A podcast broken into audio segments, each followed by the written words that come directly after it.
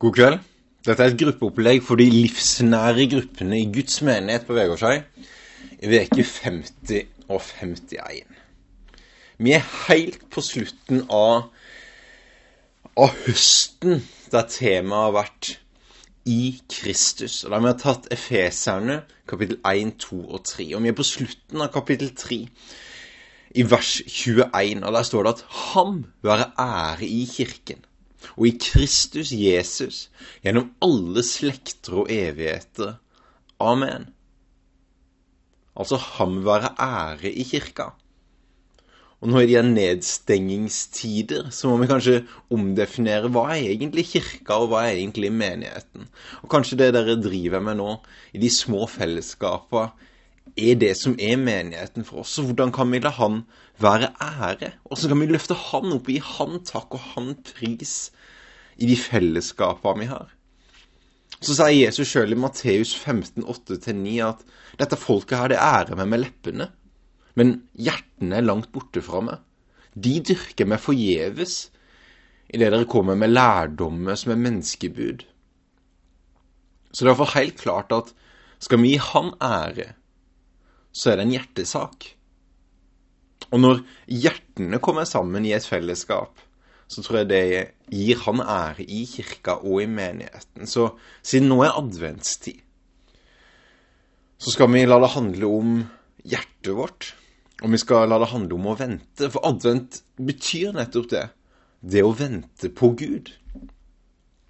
Og jeg tror Guds folk alltid har vært et folk som har venta. De har venta på han som kom. De har alltid venta på han som kommer, og vi venter på han som skal komme igjen. Så jeg håper det jeg skal si nå, kan fylle oss med en begeistring over Jesus, altså den evige Gud som blei menneske, som overvant døden, og som en dag skal komme igjen. Og vi skal se på de her tre formene. At vi venter på han som kom, vi venter på han som kommer, og vi venter på han som skal komme igjen.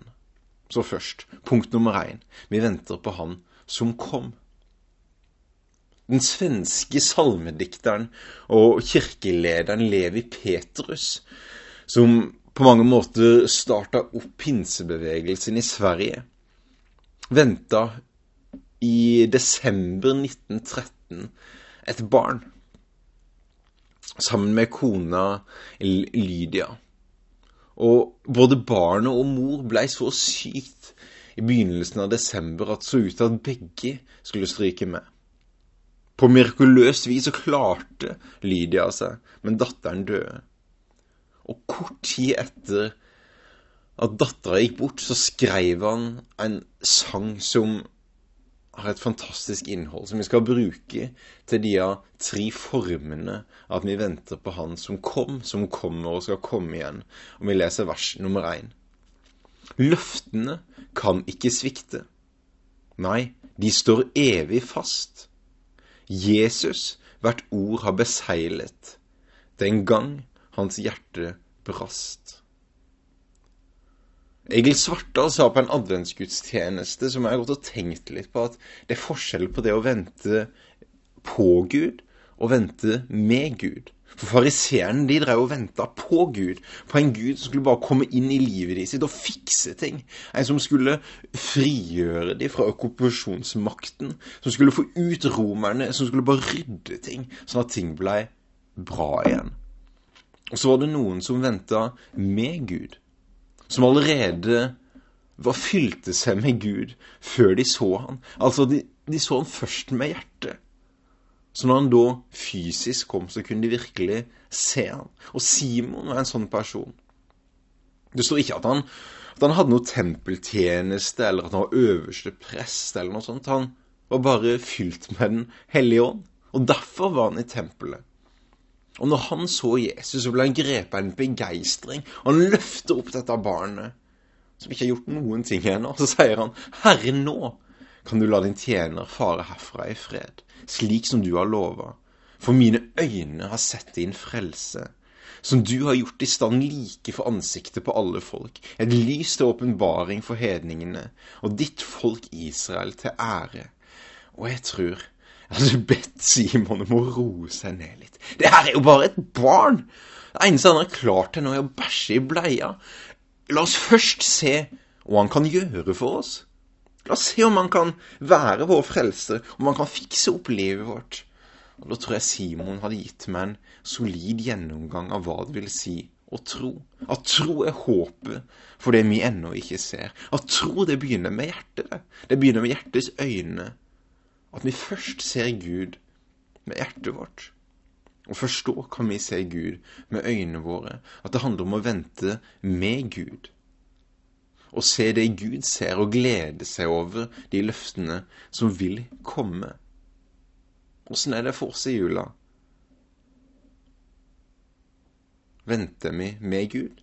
Og så nummer to vi venter på Han som kommer. Og hvis du gjør et bibelsøk på ordene 'Jesus kom', så vil du få en hel drøss med treff. Det virker som at det går igjen i Guds ord at Jesus kommer. Og når disiplene hadde mista sin tro, rota seg opp i noe eller trengte noe visdom, så er det de ordene her som kommer. Og så kom Jesus. Da de var i sitt daglige arbeid og ute og fiska, så kom Jesus gående langs stranda. Og så blir de menneskefiskere. Da de var i en storm på sjøen, da kom Jesus gående på sjøen. Når Peter fornekta Jesus, så så han Jesus med et blink gående opp til øverstepresten. Og da de skjelvende hadde låst døra etter seg pga. lederen de sitt var drept på et kors, da kom Jesus. Så husk å ha forventning til de løftene som Gud har gitt deg. For Gud en Gud som, ja, han kom, men han er jo en Gud som kommer og ønsker å komme inn i ditt liv og være med deg i dine oppturer og nedturer. Så la adventstida være en tid der du minner deg på løftene han har gitt.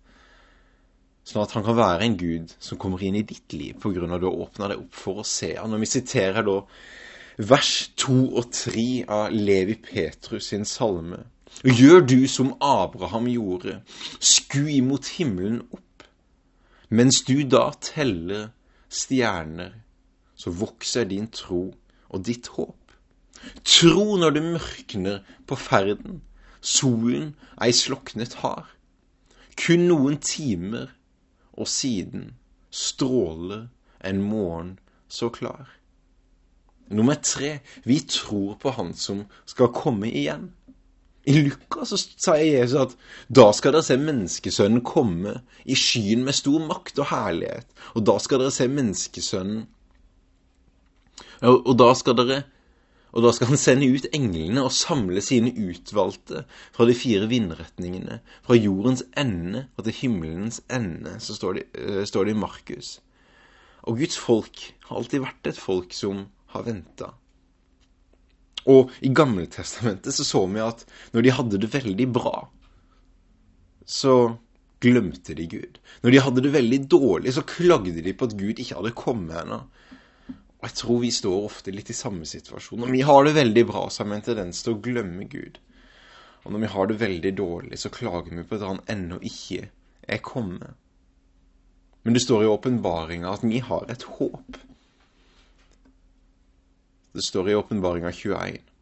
Og jeg så en ny himmel og en ny jord. For den første himmelen og den nye jord var borte, og havet fantes ikke mer. Og jeg så den hellige byen, det nye Jerusalem, stige opp fra himmelen, fra Gud. Han var gjort i stand og pyntet som en brud for sin brudgom. Og jeg hørte en trone og en høy røst som sa, Se, Guds bolig er hos menneskene, og han skal bo hos dem. Og de skal være hans folk, og Gud skal være hos dem, og han skal være deres Gud. I begynnelsen av kolosserne så ser vi at av håpet de hadde til Gud som skulle komme, så hadde kjærligheten til de andre hellige økt hos det. Jeg tror at vi trenger å holde oppe håpet om at ja, vi tror på en Gud som kom. Det er jula. Og vi tror på en Gud som kommer. Det er jo julebudskapet, det er evangeliet. Og så tror vi på en Gud som skal komme igjen. Og det kan vi òg la oss minne oss på i jula. Og så leser jeg videre fra salmen til Levi Petrus, for det her knytter han òg inn, som det håpet han klynga seg til når han mista dattera si. I koret så skriver han, for himmel og jord skal brenne, høyder og berg forsvinne, men den som tror skal finne, at løftene rokkes ei. Og i vers 4 og 5 står det Så tro da, selv om vennene svikter. Tro når kun én står med. Jesus, din venn, vil deg følge daglig med all sin fred. Tro under alt som deg møter. Snart du er hjemme igjen. Da skal du få evig skue det som du trodde her nede. Så vi avslutter med Isaiah 40, 31. At han gir den trette kraft. Og den som ingen krefter har, gir han stor styrke. For gutter kan bli trette og slitne. Unge menn kan snuble og falle. Men den som venter på Herren, får ny kraft. De løfter vingene som ørnen. De løper og blir ikke utmatta. De går og blir ikke trette. La adventstida, ventetida, være en tid der vi venter med Gud på en Gud som kom. En Gud som kommer, og en Gud som skal komme.